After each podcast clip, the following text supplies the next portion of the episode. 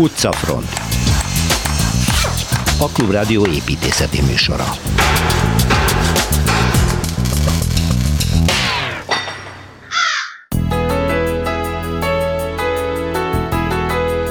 Csontvári hatalmas festményéről ismerjük egy szeletét. Szilveszter Ádám segítségével viszont az egészet bejárjuk, tehát irány Taormina. Budapesten folytatjuk, Kovács Krisztinával a modern magyar építészet egyik remekét, a város majori Jézus szíve templomot látogatjuk meg. Kelecsényi Kristóf a Luther házat mutatja be, Torma Tamás pedig folytatja utcai sétáját a Logodi utca második szakaszával, ahol többi között Márai Kertész és Babics is lakott egykor. Egy fantasztikus hazai fejlesztés az időgép. A fővárosi levéltár csapata olyan digitális térképet hozott létre, amelyen Budapest egyes házaiba bemehetünk, megtudhatjuk, kik éltek ott egykor, akár száz évvel ezelőtt, mi volt a foglalkozásuk, kik voltak a tulajdonosok, és hogy milyen képet mutattak az épületek a különböző korokban. Kenyeres István a levéltár főigazgatója a vendégünk.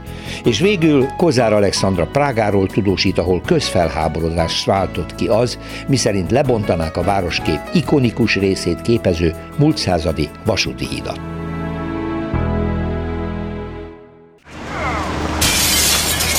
Városi tükör. Na, megyünk Dél-Európába. Szilveszter Ádám Ibrides építész egyetemi tanárral, szabad művészetek doktorával, Szervusz Ádám. Mondtad, hogy Szicíliát legalátogatjuk, de egy konkrét városkába. A pici, ugye, Taormina. Pici. Nem, nem nagy hely. Nem, egy nap alatt bejárható. De amilyen régi, gondolom az összes. Időszámítás előtt 400 évvel alatt. Ja, azóta lakott? Azóta lakott, igen. Ez egy csodálatos helye a Földnek, egy, egy bájos, gyönyörű és izgalmas topográfiájú és, és történetű hely. Kétféleképpen lehet odaérni, no. vagy, vagy repülővel Kat, Katániából, vagy pedig, ha az ember autóval megy, akkor át kell menni Messinába szorosan, Aha. Reggio Calabriából, és onnan ugye mindkét oldal megközelíthető autópályán. Igen, van autópálya. Az autópálya át van furva a város alatt. Na, egy... Ez, ez egy érdekes dolog, hogy ez, ez egy nagyon-nagyon változatos domborzat, és ez a város tulajdonképpen önmagához képest, a lejtőkéhez képest is kiemelkedik. Uh-huh. Tehát van, van két vonulat benne, az egyik egy, lehet mondani, hogy a tengeri párhuzamos dombság, a másik meg inkább arra merőleges. Na most, ha az ember autó érkezik, én azt javasolom, hogy, hogy ne az autópályán rohanjon be az alagútba, és onnan ugye szerpentinen föl tekeredik a város egyik parkolójába, hanem a tengerparton érkezett meg, le lehet menni a tengerpartra, és onnan érdemes, mert, mert van egy, egy út, ami az is szintén szerpentin, de az ember látja, hogy merre megy. Igen.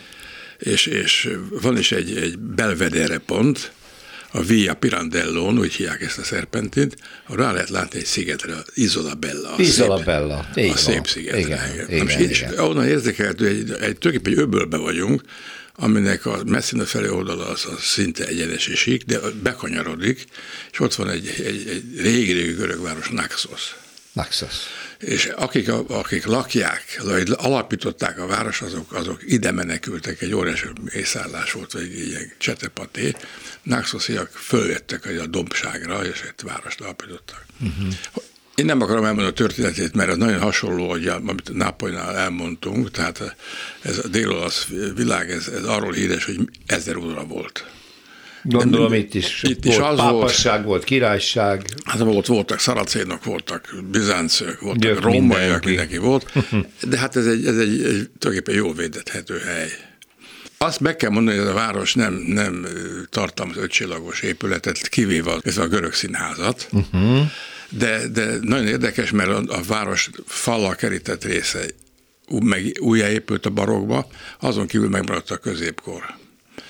És az ember megérkezik erre a pontra, ahol ez a két irány váltható, és ott van, van egy, egy templom, Érdekes neve van, Kézadi San Pankráció. Szent Pankráció? Igen. Jé. Ez Pongrác. Pongrác? ez a Szervász Pongrác Bonifásznak az egyike. a Pongráca. ez, ez, egy szent, akit lefejeztek ugye Dikuláciánus idején, és, és hát az egyik fagyos szent, ugye Na most mellette van egy, szép palota, az is egy olyan ódon középkori, ez a Palazzo Carvaja, mellette pedig két templom, tehát nagyon sűrű ez, ez a... De ez, ez mind középkorból ez maradt? Mind középkor, ez a óvárosi rész, vagy egyáltalán van modern rész? Hát ez a rész, nem, ott, ott van egy újabb rész a 19. században, mert mm-hmm. akkor indul be a turizmus. 19. század. Igen, uh-huh. és, és ott van, ott van még egy, egy Alexander Szent Katalina nevű templom, egy kicsit, de bájos, és, és a Teatro Odeon. Az az első görög színház, picike-picike. Igen? Igen, a klasszikus aréna? Ez hát a... nem, nem tud az lenni igazándiból, mert, mert ráépültek, pici. meg ja. kicsi is, tehát Aha. négy lépsős uh-huh. és, és befért 50 ember körül. Ez a kamara darabok. Kamara. adni. Na most az ember elindul, ott van egy érdekes terepen vízszintesen futó út, ez, ez a, a Corso Umberto, és ez fűzi fel azt az utat, ami aztán kifut egy, egy kapun, és a, a, a városból kilép az ember. Tehát egy, egy nagyon hosszú vonulat, és elég De ez a tenger irányába visz? Nem, ez nem a tenger a part, párhuzamosan. Párhuzamosan van a parttal. Uh-huh. És ami érdekes, ott van egy tér, ami, ami a 9. Piusról van elnevezve. Ez egy fantasztikus kilátóhely, mert egy elég széles tér, aminek a pereme az egy szakadék fölött áll, és ki lehet látni a tengerre. Uh-huh. És nagyon szép burkolata van, ilyen, ilyen pepita, olyan, mint egy nagy fürdőszoba volna, de óriási, és a két templom között egyik a Szent Giuseppe templom, ami a hegy felé tolja a szentélyét, a másik az erre merőlegesen áll, és ez itt nagy vigalom van, mindenféle gyereknek való, felnek való remek jó kocsmák, és, és ez egy, gyönyörű táj, ez nagyon szép.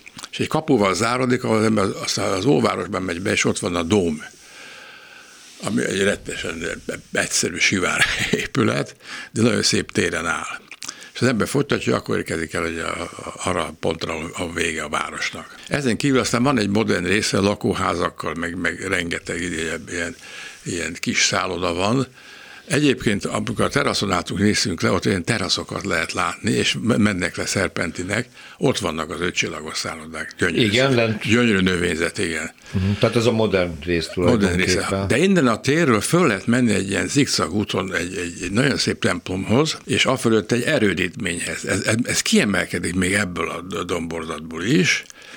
Kézem a Donna della Porta, ez a neve ennek a templom. Na most, ha az ember lemegy a, ez az úton vissza lehet menni addig a pontig, ahol ugye el kell menni a színház irányába, tehát merőlegesen a tenger vonulatára, de sokkal klasszabb, ott van egy nagyon sűrű sikátorok, nézethálóba épített lejtő, ami tele van vendéglővel. Na. Szóval az, a, a szépek, nagyon szép növényzet van, szépek a házak, és minden érdemes megállni, mert árnyékos. És az, az egészhez ott, ott el kell mondani, hogy ott van az etna, mint, mint koronáz ezt a látványt. És ez a legszebb pontról, ami most ez a fő téma, ez a görög színház. Igen. Az arra vezető út is érdekes, a színház maga nagyon nagy méretű, egy nagyon-nagyon jelentékeny épület, és gyönyörűen van tájba elhelyezve. Tehát ez a domb, aminek a másik oldal szakadék, a tenger felé is szakadék, és innen pedig az ember ránéz Naxosra. Na most ez azért híres, mert Sontvári Koszkot Ivadar megfestette egy 20 négyzetméteres vászon. Igen, igen, azt akar, éppen ebben akartam zárni, hogy ha nem tudunk elutazni, akkor menjünk Pécsre, és nézzük meg. Vagy, vagy a, a Nemzeti Galériában, a Nemzeti Galériában. Van, Biztos, hogy ott van, még a galéria egyelőre. Egyben van, működik. Vasárnap fönn voltam, már éppen záráskor nem tudtam megnézni a Vassári kiállítást, mert 5 óra után érkeztem, de ott látható a Csontvári fantasztikus óriás képe. Taor Mina Szilveszter Ádám elbeszélésében nagyon szépen köszönöm, szervusz. Szervusz. Budapesti séta. Majdnem minden alkalommal, amikor Kerecsényi Kristóf építészet történésszel beszélgetni kezdek, mint most is, szervusz Kristóf, mondom a hallgatónak, hogy tessék szemmagasságon fölül épületet nézni, tehát mindig nézzünk föl, amikor sétálunk és van időnk, mert felfedezünk egy másik várost, mint amit ismerünk, és azt hiszem, hogy ez a Luther udvarra is érvényes, amiről most fogsz beszélni, ez a Rákóczi úton lévő, igen, tekintélyes méretű ház. Habár ennek valami nagyon-nagyon szép, hatalmas bejárata van, ilyen, ilyen óriás kapuja van középen, ha jól emlékszem. Igen, hát ez ugye ez az épület, ez gyakorlatilag pont a Blaha tér és a Baros tér között félúton van, ugye ha az Erkel színházba megy az ember, akkor mondjuk elgyalogol mellette, ott befele. De ugye ezen a szakaszán a Rákóczi útnak azért többnyire mindenki csak áthajt, vagy átrobog a busszal, vagy elrobog alatta a metróval. Pedig hát ugye azért voltak ennek is szebb időszakai. Na most, a, a, hogy az időszakokról beszélünk, egészen vissza kell mennünk a 19. század no. közepére. Ugye Budapestnek, meg Pest Budának az építkezése ugye természetszerűleg nagyon sok ugye az Észak-Magyarországról származó szlovák ajkú munkást hozott a városba, meg a családjukat, és éppen ezért ugye a, a nagyon sok közülük evangélikus volt, és ugye előbb-utóbb a, a Deák teret, ugye a Deák teri evangélikus templomot a, a, a magyar ajkú, a német ajkú és a szlovák ajkú, e, hogy mondjam, Isten tiszteletek azok kinőtték. Uh-huh. E, ugye megosztva használták, és hát ez nem volt egy e, teljesen jó helyzet, és ezért az 1850-es évek elején ugye e, kaptak a, a pesti e, evang, szlovák evangélikusok egy telket itt a uralkodói közbenjárással, itt a, Rákóczi út, uh-huh. az akkori Kerepesi út e, külső szakaszán. Tehát tehát gyakorlatilag a város, akkori városon szinte kívül. Igen. És nem felépítették a templomukat az 1860-as években, e, Díser József nevű, e, akkoriban elég jó nevű, ma kevésbé ismert e, építész tervei alapján, és ez a templom, ez 1867-ben lett felszentelve, egy, egy szép kis romantikus templomocska volt, és ez a templom a Rákóczi útnak, vagy a Kerepes útnak ezt a szakaszát azért, hogy mondjam, díszítette itt egy darabig, épült köré ugye mindenféle paplak, iskola és egyéb, egyéb, egyéb az egyházközséghez tartozó épület. Aztán ugye jött a nagy városfejlődési boom, felépült ugye az 1880-as évek közepére a keleti pályaudvar, és ugye elkezdett fölértékelődni nagyon ez a terület, és egészen egyszerűen az történt, hogy pénzügyi megfontolásból is, meg hát a templom is rossz állapotba került, egy vállalkozóval kötöttek egy szerződést, hogy akkor ő már pedig gondoskodjon arról, hogy ennek a teleknek az építési szabályzat szerint beépíthető részén épüljenek házak, bérházak, amikben azért a, a e, községnek az óvodája, meg az egyéb igényei is helyet kapnak, de hát nagy részt bérlakások. És hát az 1890-es évek elején kötik meg ezt a szerződést, és nagyon érdekes, 1952 nyaráig maradhatott a szerződés szerint a vállalkozó tulajdonában a bérház, és akkor kellett átadni a szlovák evangélikusoknak és a tervezéssel egy Schweiger Gyula nevű, szintén kevésbé ismert, de jó nevű és tehetséges, sok stílusban egyébként nagyon ügyesen alkotó építészt bíztak meg, aki egy egy tulajdonképpen a templomnak a stílusát követve egy neo-román középkorias együttes tervezet, aminek ugye a hét épület részből áll, hm. hét, hét külön bérházból, aminek ugye a főépülete a Rákóczi út felé, ez lett a legnagyobb, ennek ugye egy nagy tornyot is Igen. csinált, ennek a tetőzete ma már laposabb, mint eredetileg volt, de még mindig feltűnő, és hát ezen a tornyon ugye a, a Luthernek a szobra is, illetve a Luther udvar felirat is megjelent. A templom azonban így elvesztette a Rákóczi úttal való kapcsolatát, de ott van bent a mai napig ennek Aha, a tehát körbeépítették a templomot gyakorlatilag. Bizony, körbeépítették. Volt egyébként olyan terv is, hogy, hogy, hogy a templom homlokzatát engedték volna, tehát rálátást hagytak volna. Hát azért szerintem ez egy picit jobb lett volna, mert ugye így senki nem tud erről a templomról. Nem, abszolút nem. Viszont így, így, így körbeépítették a templomot, és, és 1890 93-94 körül ezek a bérházak el is készültek, és hát nyilván borzasztóan jövedelmezőek voltak. Hát aztán ugye, ezt, említettem ezt az 1952-es dátumot, ugye addig azért, hogy úgy mondjam, sok víz lefolyt a Dunán, és hát a, a, a szlovák evangélikusok Pesten ugye a különféle 20. századi kataklizmáknak, meg az általános bezárkózásnak, ugye a második világháború után ilyen bezárkózásnak köszönhetően egyszerűen el, el, elfogy elfogytak, eltűntek, alig volt már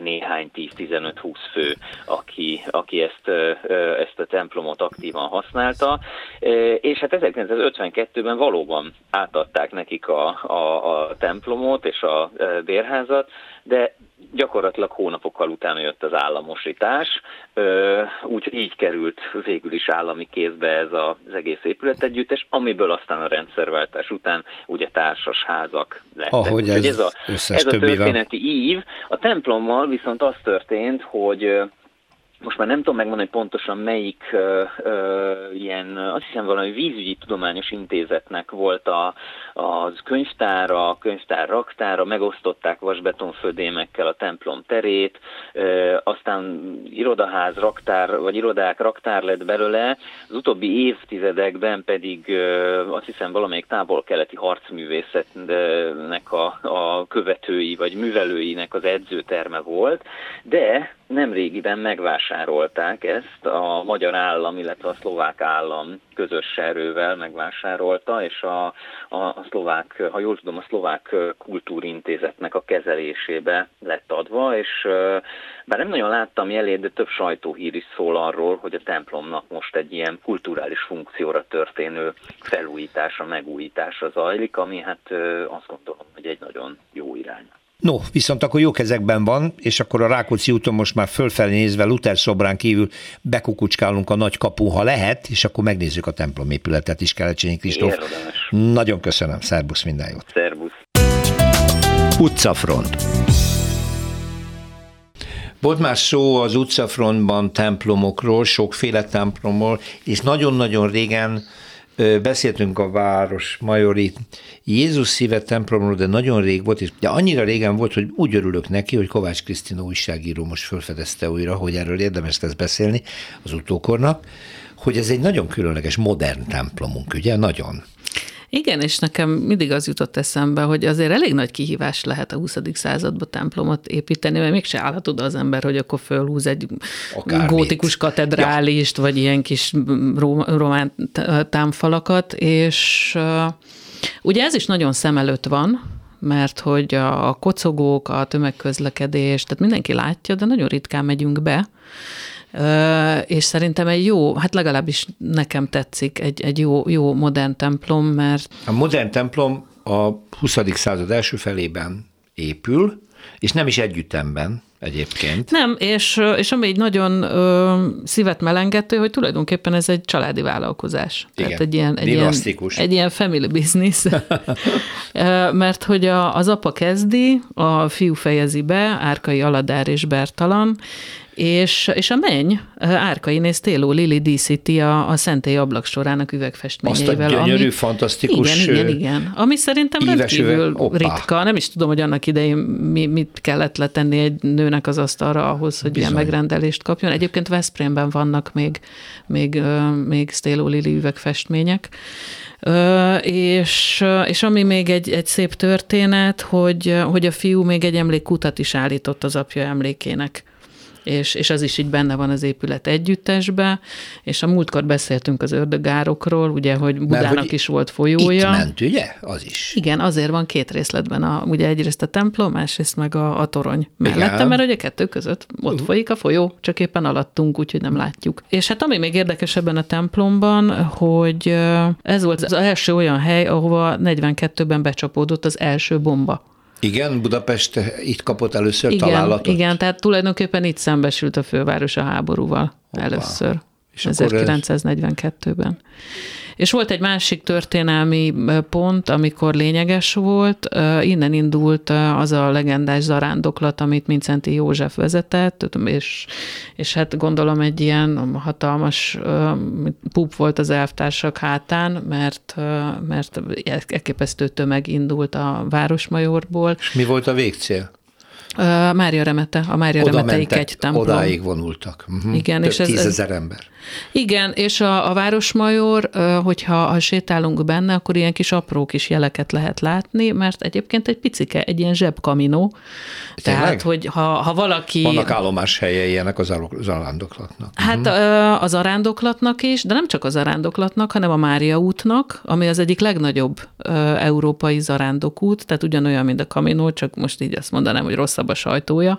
Tehát, hogyha ha valaki szeretne elmélyülni a természetben úgy, hogy közben, közben megy, és, és nézi a, a szemlélődik gyakorlatilag, tehát egy bizonyos típusú meditációnak is felfogható, akkor, akkor erre például a Városmajor egyébként egészen a, a Városligetig, sőt, sőt, még hát országokon átível állomásai vannak, akkor erre, erre nagyon alkalmas, és van egy másik zarándok út, a Pálosoké, ami azért lényeges, mert ugye a Pálosok az első magyar alapítású, az első és az egyetlen magyar alapítású szerzetes rend, és ezzel pedig budapesti pálos szent helyeket lehet felfedezni, tehát, hogy most ez ilyen viccesen hangzik, de családi programnak éppen ugyanolyan jó, mint meditációnak, Sőt, amikor utoljára ott jártam, akkor ilyen kis QR kódokkal az ember tragédiáját lehetett, az ember tragédiájának valamilyen abszolút modern ö, táncos feldolgozását lehetett kortárs művészek segédletével tanulmányozni, csak kellett hozzá egy okos telefon, meg megtalálni a QR kódokat. Tehát rejtményfejtés, ö, családi legendárium, ö, építészet, ö, titkok Van és meditáció. Térkép, együtt. ami alapján ez bejárható? Mert most így mondod, akkor azt mondom, hogy honnan induljak el? Hát szerintem úgy, ahogy én csináltam. Nézd meg először a templomot, és Aha. aztán utána menj az orrod után. Na, uh, ez egy jó kaland.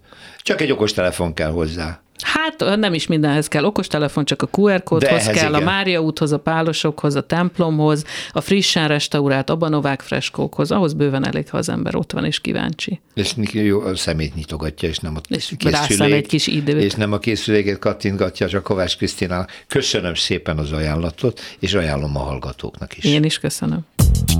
Perspektíva. Torma Tamás építészet kritikus, az Egyhelyblokk szerzője. Múlt héten Szervusz. indítottad, szia. Szia Péter, üdvözlöm a hallgatókat Új is. sorozatot, most Igen. egy utcaszakaszokat Logodi. mutatsz be.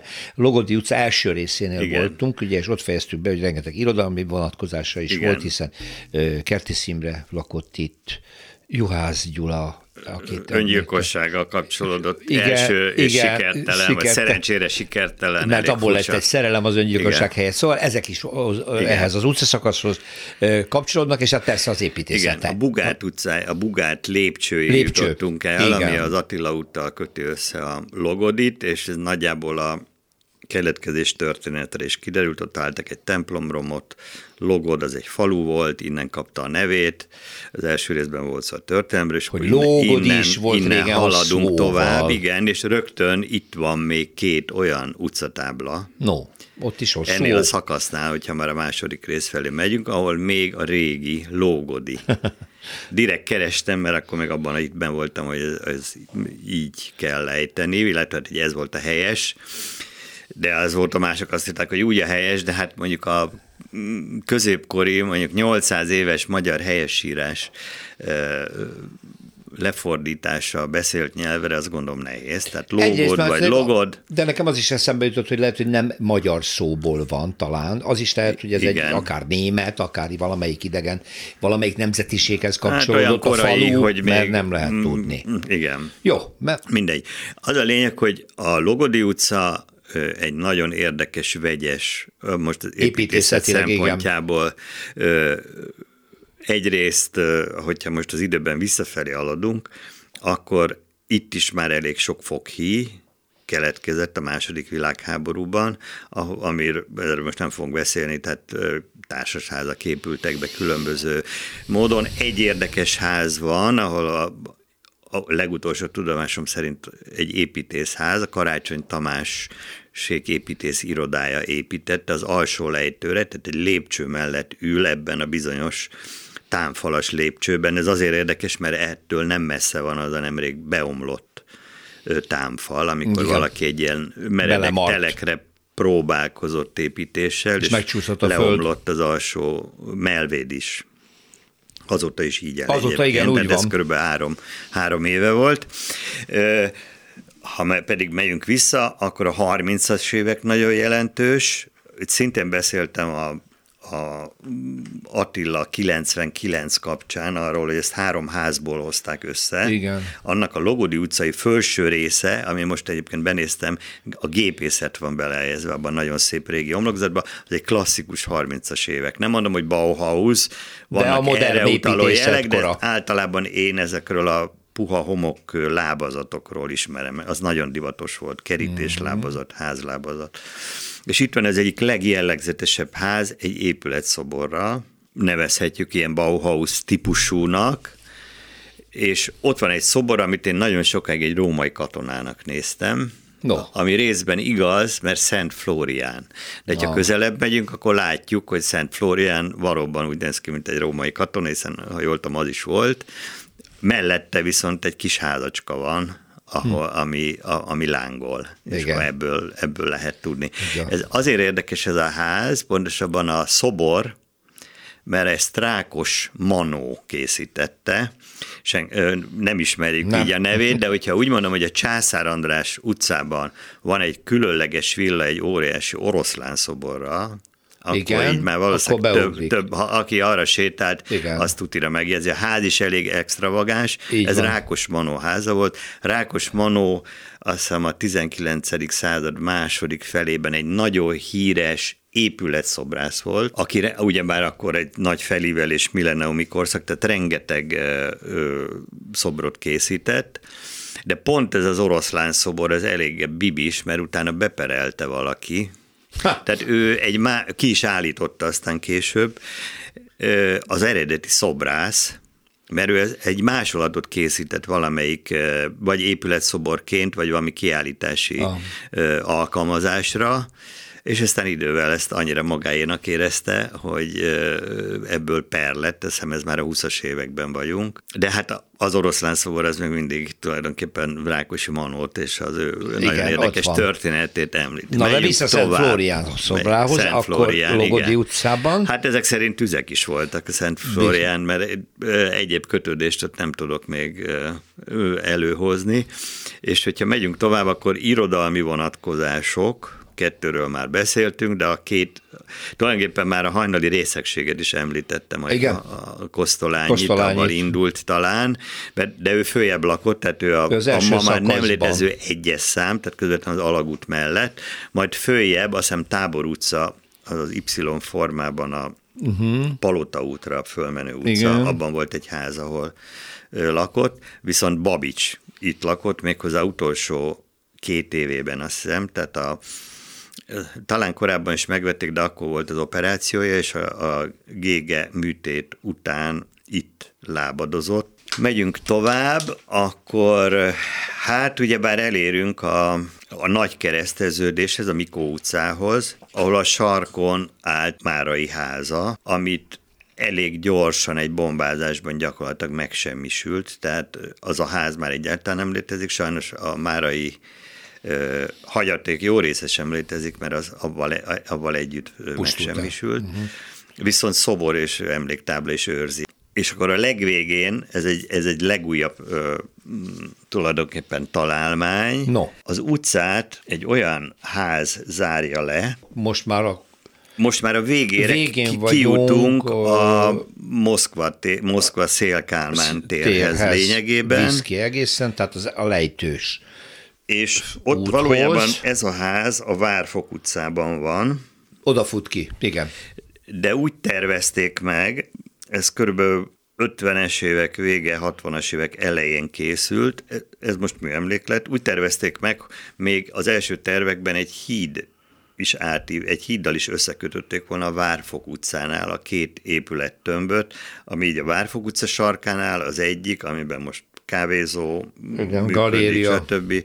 A másik pedig a Logodi utca Vége. legvégve. Egyébként a másik oldalon az iskola helyén, talán ott voltak, mert innen indult el a Logodi utca beépítése furcsa módon, most mi ellenkező irányba Igen, haladtunk, jöttünk. illetve a számozás is ellenkező irányba halad. Mivel a postapalota van szembe, és avval sokat foglalkoztam az utóbbi időben, úgy mindig feltűnt ez az épület, hogy ez eh, mennyire csinos, talán ezt a szót tudnám alkalmazni.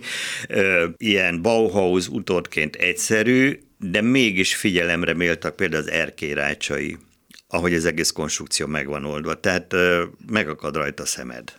ez most már egy, egy budapesti értelemben, tehát fővárosi értelemben vett védett épület lett. Hála jó Istennek műemlék, legalábbis védelem alatt van. Torma Tamás, köszönöm szépen. Legközelebb eláruljuk, jó, hogy a Ménesi utat fogod bejárni, Igen. azt is két szakaszban majd. Igen. Úgyhogy jövő héten ott folytatjuk. Köszönöm szépen. Én is köszönöm.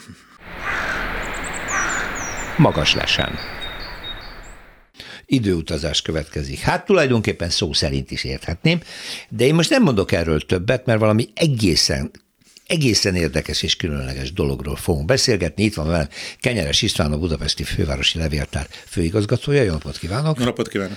Az időgép egyik atya. Akkor közelítsünk a nagyképről, jó? Mit látunk rajta? Igen, hát kezdjük magával a fogalommal, Jó, ugye az időgép. Igen, mert igen. Hova utazunk, megy, igen, igen. Igen, meg ugye ez egy ilyen, hogy mondjam, sok... Már az, hogy levéltár, a hallgató igen. talán sejti, hogy hát akkor vannak értékes régi adataink. Így van, így van. Yeah. Szóval, szóval az időgép maga, mint egyfajta ilyen terminus technicus, ilyen tudományos vagy levéltári körökben, az, az egy létező európai brand, nyugodtan mondhatom, ezt a Verencei Igen. időgépet találták ki először, ez egy 2012-ben indított Európai Uniós projekt lett volna, fogalmazunk így, és mi is onnan merítettük az ötletet, hogy egy ilyen időgépet kell csinálni Budapestre. Nyilván mi ezzel az ötlettel, tervekkel találkoztunk nemzetközi konferenciákon, meg elég jó nemzetközi kapcsolataink is vannak. Egyébként indult egy európai ilyen időgép kezdeményezés, ez a és van is egy ilyen nagy szervezet, ez a Time Machine Organization, aminek egyébként a tagjai vagyunk. Tehát az, hogy egy-egy nagy, főleg nagyváros története kapcsán merült ez föl, de másra is lehet alkalmazni, akár egy-egy nagyobb régióra, területre, vagy kisebb településre, vagy egy település, de nézzük a várost. Ez most Igazából Budapest a, lesz. Ez most Budapest, és azért mondtam a Velencét, mert ugye azzal lehet párhuzamba állítani, de fölmerült Párizs, Amsterdam konkrétan, tehát hogy még, még ilyen nagyobb városi példákat mondják. Ugye az az ötlet, hogy olyan térbeli barangolást nyújtsunk a felhasználónak, amikor ugye egyrészt bejárat egy várost, megnézheti az épületeit, kik laktak ott, hogy laktak ott, és mindezt egyfajta időbeliségbe is, tehát az időgép, mint fogalom, az azért lép be, hogy különféle időmetszeteket tudjunk egyaránt egy, fel, egy felületen, egyikből gyorsan átkapcsolva, átlépve, tényleg egyfajta ilyen időutazást tudjunk végezni, és ha valaki megnézi a Velence időgépről készített videókat, akkor ott lát olyanokat, amik itt a Budapest időgépen, ennek az új verzió már működik is. No, akkor most a hallgató, akinek van, vegye elő az okostelefonját, vegye kézbe, és akkor Kenyeres István mond egy, egy címet. Nagyon egyszerű, és ebbe a Google-be azt, hogy Budapest időgép, azon egybe. nyom egybe. Budapest. Á, nem, nem kell beírni, tehát ezt maga, tehát a Google nagyon régóta ismeri az időgépet, Igen, tehát egy szimpla kereséssel. Egyébként a maga a, a, az időgépnek a, a címe, az egy hosszú cím, mert ez a Hungarikának közgyűjtemény portárnak egy ilyen Igen. allapja, tehát ez a www.hungarikana.hu per Budapest időgép, így fogja uh, megtalálni, de sokkal egyszerűbb, hogyha beírjuk a Google magát keresőbe. a Google keresőbe, vagy a fővárosi levéltár honlapjára fölmém erre az ikonra rá klikkelünk, tehát ismeri a, a Google a, a, a magát a, Na, az Lehet, hogy ennyi idő alatt már néhány hallgatónak sikerült, a kezébe van, és akkor ők már látják azt, amiről most Kenyeres úr tovább beszél. Megjelenik Budapest. Egy stilizált Igen. nagy térkép, házak, házakra be, be lehet menni, meg lehet nézni, és olyan adatok vannak benne, hogy kik laktak ott, mi volt a foglalkozásuk, és még egy csomó minden. Tehát ez, ez a, igen, igen. Most szerintem egy szuper felületet lát, hogyha valaki igen. beütötte. Ez az időgép egyébként nem most indítottuk, a Budapest időgépet, ezek 2017-ben indítottuk, fővárosi Szaba Ervinnel közösen, és nyugodtan mondhatjuk az Árkánum Kft-vel együttműködő, ők a, a, a fejlesztő programozók, akik egyébként profik levéltári Hogy az Arcanum az egy nagyon fontos, tehát nagyszerű bázis. Nem, így van, így van, szerintem egyfajta. De ez nem, most egy új verzió. Igen, így van, tehát most egy teljesen megújult felületet találunk, korábban négy kicsit nehezen értelmezhető, navigálható felületünk volt, most egyetlen egy felületen sikerült mindent összehozni, ami ráadásul 3D-s, tehát ez egy Igen. teljesen nagy újdonsága, és amivel indítunk, aki előtt mindenkinek ott van az okostelefon, az egy 1916-os Budapest. Ugye meg lehet kérdezni, hogy miért pont az 1916-os Budapest. Ennek, ennek, hát viszonylag egyszerű, mondhatjuk részben költségvetési okai voltak, mert a, amikor voltak a különféle projektkiírások az első világháború évfordulója kapcsán, akkor mi próbáltunk támogatást szerezni akkor a Nemzeti Kultúrás Alaptól, hogy akkor az időgépet fejlesztenénk a első világháború időszakára, és akkor ezért kinéztük azt, hogy legyen az 1916-os év, mint egyfajta ilyen közepe ennek az időszaknak, Igen. hogy megcsináljuk az akkori Budapestet, és ezért találkozok ezzel a térképpel a felhasználó, mert ehhez tudtuk akkor számos adatot hozzárendelni, tehát azt kell, hogy mondjam, hogy az 1916-os Budapest a legjobban bejárható, a legjobban megismerhető, és egyfajta etalon, tehát ugyanezt szeretnénk mondjuk a, az 1872-es Budapestre, az 1937-es, vagy az 1837-esre megvalósítani, azért mondtam pontosan ezeket az éveket, mert ezekről ugyanilyen térképek állnak rendelkezésre, amit most a nyitó oldalon látunk. látunk. Ezek ezek ilyen nem stilizált térképek, ezek úgynevezett, most szakszóval mondom, vektorizált térképek, ez azt jelenti, hogy a korabeli nagy felbontású, nagyon részletes, eredeti történeti térképeket mi digitalizáltuk, úgynevezett georeferálásnak vetettük alá, ez azt jelenti, hogy minden egyes térképpontot megfeleltettünk ugye a, a adott GPS koordinátának, és ebből egy ilyen vektoros térkép is készült, ahol, ahol ugyan átrajzol, mint egy mai Google Igen. térkép, tehát úgy tudunk rajta navigálni, keresni ezen a 16-os Budapesten, mint egy mai Google térképen, e, és ebből tudtuk még ezeket az időmetszeket az előbb említett évkörökből megvalósítani.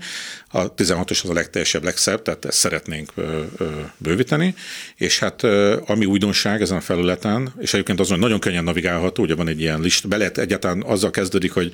Be annyi, lehet írni. Az egy dolog, de ugye úgy is indul, hogy van egy olyan adatok kibe, hogyha valaki nézi a felületet, azt azért kértük a fejlesztés során, mert annyi adatunk van, hogy tulajdonképpen már az is zavaró, hogyha csupa ilyen piros pont jelenik meg, és nem látom a térképet a rengeteg adattól, és hogyha benagyítók, akkor ugye ezek kisebb pontokat mutat a, a térkép, mert egyre inkább közelítünk Igen. rá az adott ingatlanra, de ha valaki mondjuk ilyen totál Budapestet néz, akkor nagy tele van. tele van, és akkor eltakarja, és ezért, tehát ez is mutatja, hogy milyen mennyiségű adat van rajta, tehát ilyen százezes nagyságrendben fel vannak fönt, vagy akár milliós nagyságrendben adatok, és egyébként vannak rétegek, és ki tudjuk választani, hogy melyik ilyen vektoros térképen akarunk menni, melyik idézőjelbe történeti Google térképet akarjuk megnézni, az 1837-től egészen a 1937-ig be tudjuk állítani.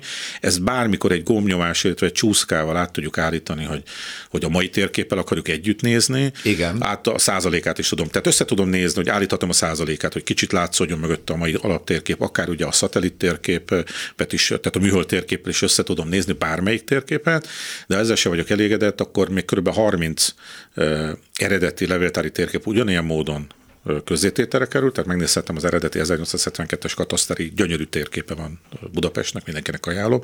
Tényleg fantasztikus, a felbontás, az adatgazdaság, mm-hmm. a, a, mhm. maga, maga egyébként a, a művészeti kivitele is fantasztikus, és ráadásul ezek most már térben is georeferálva vannak, tehát aki ismeri a Google Earth, ugye, mint alkalmazást, tehát úgy kell elképzelni ezt is, tehát ahol a Gellért egy kicsit kidomborodik, akkor a 1872-es kataszteri térképünk is kidomborodik, meg a budai hegyek, tehát Budapestnek a fekvés ebből a szempontból szerencsés, mert ugye látok síkvidéki területeik is vannak a Pesti oldal, meg hegyvidék, tehát jól érzékelhetők ezek a, a, a új megoldások és az újszerű megjelenítés is. És amit még kiemelnék, hogy ezeken a vektoros térképeken, vagy mondjuk így, hogy ezek a történeti Google térképeken, az eredeti térképrajzolók is meg kiemeltek bizonyos épületeket, tehát mondjuk a, a nyilvánvalóan mondjuk a templomokat, a, a bazilikát minden kerületben, a fontosabb templomokat, vagy a városházát, a, a előjáróságokat, Nyilván a közé, középületeket. középületeket, iskolákat. Érdekes, van egy pár olyan, amit nem tudjuk miért, mert mondjuk egy fontos egyesület működött ott, és akkor azért Igen. emelték ki. Tehát ez,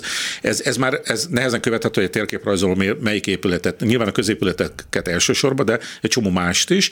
Ezeket kiemeljük egy kicsit a térből, tehát érzék érzékeltetjük, hogy ott egyfajta tömb van. Ezek nem hiteles rekonstrukciók, csak arra hívja fel a figyelmet, hogy ezek a kiemelt épületek ott vannak, egyébként hogy gyarapodnak. Most mondok egy példát, ugye a időgépnél ez nagyszerű, felállunk a Gellért egy tetejére, föl tudunk uh-huh. menni az időgépen, és akkor elkezdjük beállítani, hogy 1837-ben hogy nézett ki, akkor látjuk, hogy a budai vár akkor milyen állapotban volt, milyen épülettömbjei voltak, vagy a pesti oldal, akkor nézzük, hogy 1872-ben, amikor még ott van ez a bizonyos rossz emlékű, ugye Nagygebaj, de új Igen. épület a pesti oldalon, mert megjelennek a hídak, és aztán még megjelenik az 1908-ason, már megjelenik a parlament épület tömbje, megjelenik a szabadságtérnek, az, szóval hogy ilyen értelem abszolút időgép jelleget ad, mert ezek a kiemelt épületek is mutatják a városnak a gyarapodását, fejlődését, és ugye ad egy olyan képet, amit eddig még nem lát. Ez már önmagában borzasztóan izgalmas, de retteltes mennyiségű adat van, amit mondta, hogyha most kiválasztok egy épületet, kíváncsi vagyok, hogy ott kik laktak, akkor egész odáig, hogy mi volt a foglalkozásuk, a kik voltak a híres emberek, kik fordultak ott meg, és mindenféle egyéb adat, nem is tudom hányféle fejezetben, az adott ingatlannal kapcsolatban is ott van. Ezek honnan van? Igen, hát a, a megvan az az adatok köre, amit, amivel mi tudunk most dolgozni, és akkor mondom úgy, hogy egyfajta sorrendiség, hogy nyilván minden egyes ingatlannál az ajtalévő épületnek a dokumentációja, tehát a tervanyaga az Igen. egyik legfontosabb. Igen. Ezek a fővárosi levéltárban vannak nyilvánvalóan, és mi digitalizáljuk őket. A legfontosabb terveket szoktuk bedigitalizálni, tehát homlokzat, alaprajzok, tehát ennél rész, a többi részletes tervet nem, de ez is óriási munka, és ebből több tízezer ilyen felvételünk van fölrakva, inkább ilyen százezes nagyságrendet ér el. Van egy meghatározott adatkörünk, ami a telekkönyvekre vonatkozik, az Aha. nagyon fontos, és az eredeti telekkönyveket meg tudjuk nézni. Az összes, tulajdonképpen most a régi 1955 Budapest tekintetében, most meg ki vannak téve az összes budai és az összes pesti telekkönyvünk, ami fantasztikus forrás, tehát meg tudjuk nézni, hogy ki mikor birtokolta azt az adott ingatlan, ingatlan. épületet, bérházat. Egyébként milyen egyéb ügyei voltak, mert hogy akkor is terheltek rá adósságot, stb. Igen. Tehát, hogy, hogy, hogy a, a, az ingatlan, mint értékforgalmi eszköz is tehát nyomon követhető, de nyilván a legtöbb úgymond laikus vagy nem laikus, engem is az érdekel, hogy kié volt ugye igen, az épület. Igen. Ez eredeti dokumentumokon tapa, ö, ö, tanulmányozható. Fölteszünk, főleg a 916-os mondom, mert ugye ott van a legteljesebb adatkörünk, közedzőiratokat rendeltünk hmm. hozzá. Ugye mindenki csodálkozik, hogy mi ebben az érdekes. Hát az az érdekes, és régen nem nagyon kutatták a levéltárba a közjegyzőiratokat, ezek okiratok, amikor valaki elment a közjegyzőhöz, és valami magánügyletben fordult. Szerintem mindenki ismer, van. Ma is így van, hitelügylete, vagy bármi, akkor is volt ilyen akkor egyébként a, valahogy a polgári létnek egy ilyen természetes szintere volt, hogy, hogy a közjegyzőhöz megyünk, házassági szerződést kötünk, végrendeletet teszünk. Bérbe bárki, adjuk a lakást. Bérbe adjuk a, a lakást, bármilyen szerződést kötünk, akár egy névaláírás hitelesítés is érdekes lehet, mert a nevünk mellett ott van, hogy hogy mi a, hol lakunk, és mi a foglalkozásunk, melyik vállalat nevébe írunk alá. Ezek olyan pótolhatatlan és nagyszerű családtörténeti adatok, ami nem is gondolt korábban senki, hogy egy formálisan úgymond jelentéktelenek tűnő irat az érdekes lehet. Ezeket hozzárendeljük, tehát meg tudjuk nézni, hogy az adott épületben lakók nak milyen közjegyző ügyei voltak, ami még egy dolog miatt is érdekes lehet, hogy az ő kapcsolati hálójukra is utal, igen. hiszen hogyha van valaki, láp, igen, most mondok egy példát, hogy ott van egy, egy, egy, egy üzlettulajdonos, akinek együtt aláír egy céget, ahol a másik kettő filmében van, a harmadik Pécsban, a negyedik Prágából, ez is mutatja, hogy ez a, ez a dualizmuskori Budapest micsoda gazdasági szintér volt, milyen kapcsolati hálók voltak. Szóval ebből a szempontból is fantasztikus és érdekes. És itt például a mesterséges intelligenciát használtuk, hogy a korabeli, tehát az iraton a korabeli lakcím szerepel, hogy hogy találja meg egy mai térképe, hogy a két nyúl utca az most mi volt pontosan, meg hol volt, ezt, ezt ugye ezek a rendszerek találják meg maguktól elég jó hatékonysággal. Ugye mi van még, amire, amire fontos utalnunk, Hát itt vannak a, például az 1944-es lakási évek, egy nevezetes történet, azt hittük, hogy ezek elpusztultak a második világháborúban, aztán 2015-ben egy Kossuth téri lakásból került elő. Ugye 44 nyarán a főváros BM rendeletre összeadta az összes, összes létező ingatlanban, hogy kik voltak Ki? a főbérlők, igen. és ők a zsidó törvények hatája estek, igen vagy nem, és ez alapján jelölték ki a sárga csillagos házakat. Tudtuk, hogy ez volt a folyamat, pár iratunk volt bent a levéltárba, de előkerült, hi, hát nem az egész, mert olyan mm. legalább 20 ezernek kellett volna, de ebből 7 ezer ilyen ív meg lett, az fantasztikus. Ezek, ezeknek a kerületeknek ez az ingatlanjához hozzá vannak rendelve, tehát ez főleg a budai területek, meg a, a, a 11, 12, 13, 14, tehát a 10-től 14. kerületé kerültek elő, tehát ott az fantasztikus részletességű, mert, mert ugye ott van minden egyes lakó ott van. Fotók, azokat emelnék ki, ugye egyrészt ott vannak a Fővárosi Könyvtárnak a gyűjteményéből, a, a Budapest gyűjteményéből, a Fővárosi Levéltári, a Fortepán fotói, hogyha be vannak azonosítva, ezek nagyon értékesek, és mondjuk a 16-osnál meg tudtuk valósítani azt, hogy ez a Szabó Ervin Könyvtár közreműködés, ők, ők együtt dolgoznak ezen a projekten velünk, amelyek nagyon örülünk, hogy ott tényleg oda van kötve a korabeli lakcímjegyzékre, tehát a 16-os lakcímjegyzékben meg tudjuk nézni az összes kilakottot, de ott is, hogy akkor kinek a nevén volt az ingatlan, hol volt, fölvittünk olyan jellegű ilyen kulturális, kereskedelmi, gazdasági adatokat, hogy mondjuk az összes kávéházat, az összes szállodát. És fantasztikus, mert ilyen módon is végig lehet barangolni egész Budapestet, az kávéházról kávéházra járva. hogy amit most itt Kenyeres Istvántól hallottam, ez ezt mondom a hallgatónak, hogy szakítson időt rá, mert az ember el, olyan, mint egy folytatásos tévéfilm. Tehát ezt nem nagyon lehet abba hagyni. Elképesztő mennyiségű adat, elképesztő ö, szeletei a történelemnek egyetlen város ö, időgépében, de hihetetlenül szórakoztató, tanulságos, és rengeteg dolgot lehet felfedezni. Ezt még fejlesztik tovább, nagyon szépen köszönöm, hogy most beavatott ebbe minket, remélem sokan rá is kapnak, és folytatódik a kutatás, hiszen ugye az épületek feltárása évről évre érdekes, említsem csak a Budapest 100 rendezvény sorozatot Kortárs Építészeti Központtól, ami most idén ugye az évforduló, mert Budapest 150, az éppen 150 éves épületeket kutatják, és minden évben az éppen akkor 100 éveseket, úgyhogy ez egy folyamatosan bővülő adatbázis szintén. Nagyon sok siker, gratulálunk, ez egy egyedi, szinte a világon egyedi megoldás, és majd visszatérünk erre a fejlesztésre. Köszönjük szépen. Köszönöm, hogy itt volt. Utcafront. Idézek egy cikkből, azt mondja, hogy Prága számára olyan ez a híd, mint az Eiffel torony Párizs számára.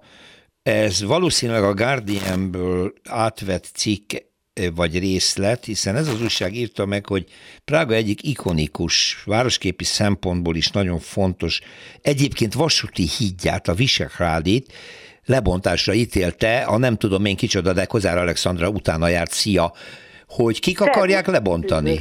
Ez hogy? Mert hogy nagy a hát, tiltakozás. Hát, leginkább a Cseh Vasúti Társaságnak nem tetszik, szerintük ez a híd alkalmatlan arra, hogy a jövőben a jelenlegi, illetve az ehhez képest megnövekedett forgalmat ez a vasúti híd bonyolítja. Mm-hmm.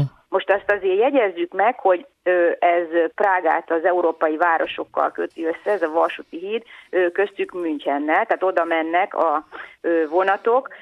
Ez mind szép és jó, de azt is jegyezzük meg, hogy nagyon-nagyon hozzátartozik a városképhez, ez ugyan egy vasúti híd, de gyönyörű, több osztatú, hosszú nagy íveket tartalmaz, acél szerkezetű, és annyira emblematikus a látványa, rengeteg egyébként ma és a közelmúltban forgatott prágai filmben megjelenik, valamint hát az óváros déli részén, tehát az óvárostól délre található, nagyon-nagyon emblematikus és nagyon fontos, természetesen gyalogos forgalmat is bonyolít. Jó, de Na most, most ugye... gondoljuk végig, ez egy 120 éves építmény, és, Na a, és hát a Szabadsághíd is 120 éves. Igen, de egy vasúti forgalom borzasztó terhet jelent. Most a kérdés, hogy akkor miért nem építik át, erősítik meg, de akkor is elveszíti jelenlegi. Felmerül ez is természetesen. Igen? Az átépítés lehetősége, na de erre mondja azt a vasúti társaság, hogy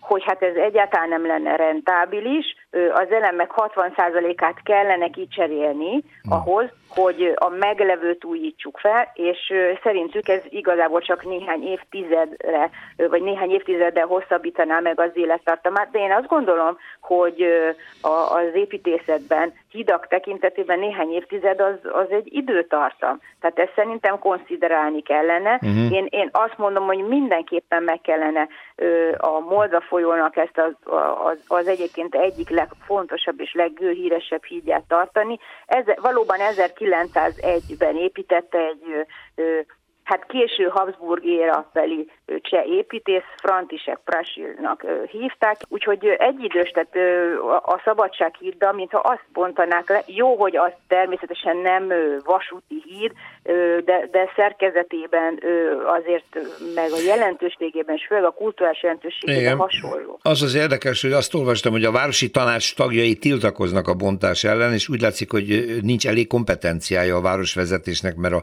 vasút királyság a királyságban, hogy egy maga eldöntheti, hogy lebontják, talán ez lehet itt a konfliktus lényege. Nem csak a városi tanács tiltakozik, de van egy műemlékvédelmi csoport, aminek az a neve, hogy Club for Old Prague, vagyis a régi Prága ö, hmm. értékeinek a megőrzésének a klubja, és hát ők is az empátia teljes hiányáról ö, szólnak, és most a közlekedési miniszter most ö, ott tart, hogy ö, hát ilyen mindenféle megbeszéléseket kezdeményez. Tehát van nyitottság, ö, de tény, hogy nem csak a lakosok ö, tiltakoznak, hanem valóban a városvezetés is, ami jó, mert ö, az hát azért valamennyire nyomhat alatba. Tehát nem az van, mint mondjuk nálunk szokott lenni, hogy legtöbbször csak a lakosok, vagy a, pláne a helyi lakosok tiltakoznak egy-egy projekt felhúzása vagy lebontása ellen, és még egy-egy kisebb ilyen városi csoport, hanem igen, itt a városi tanács is, tehát reméljük, hogy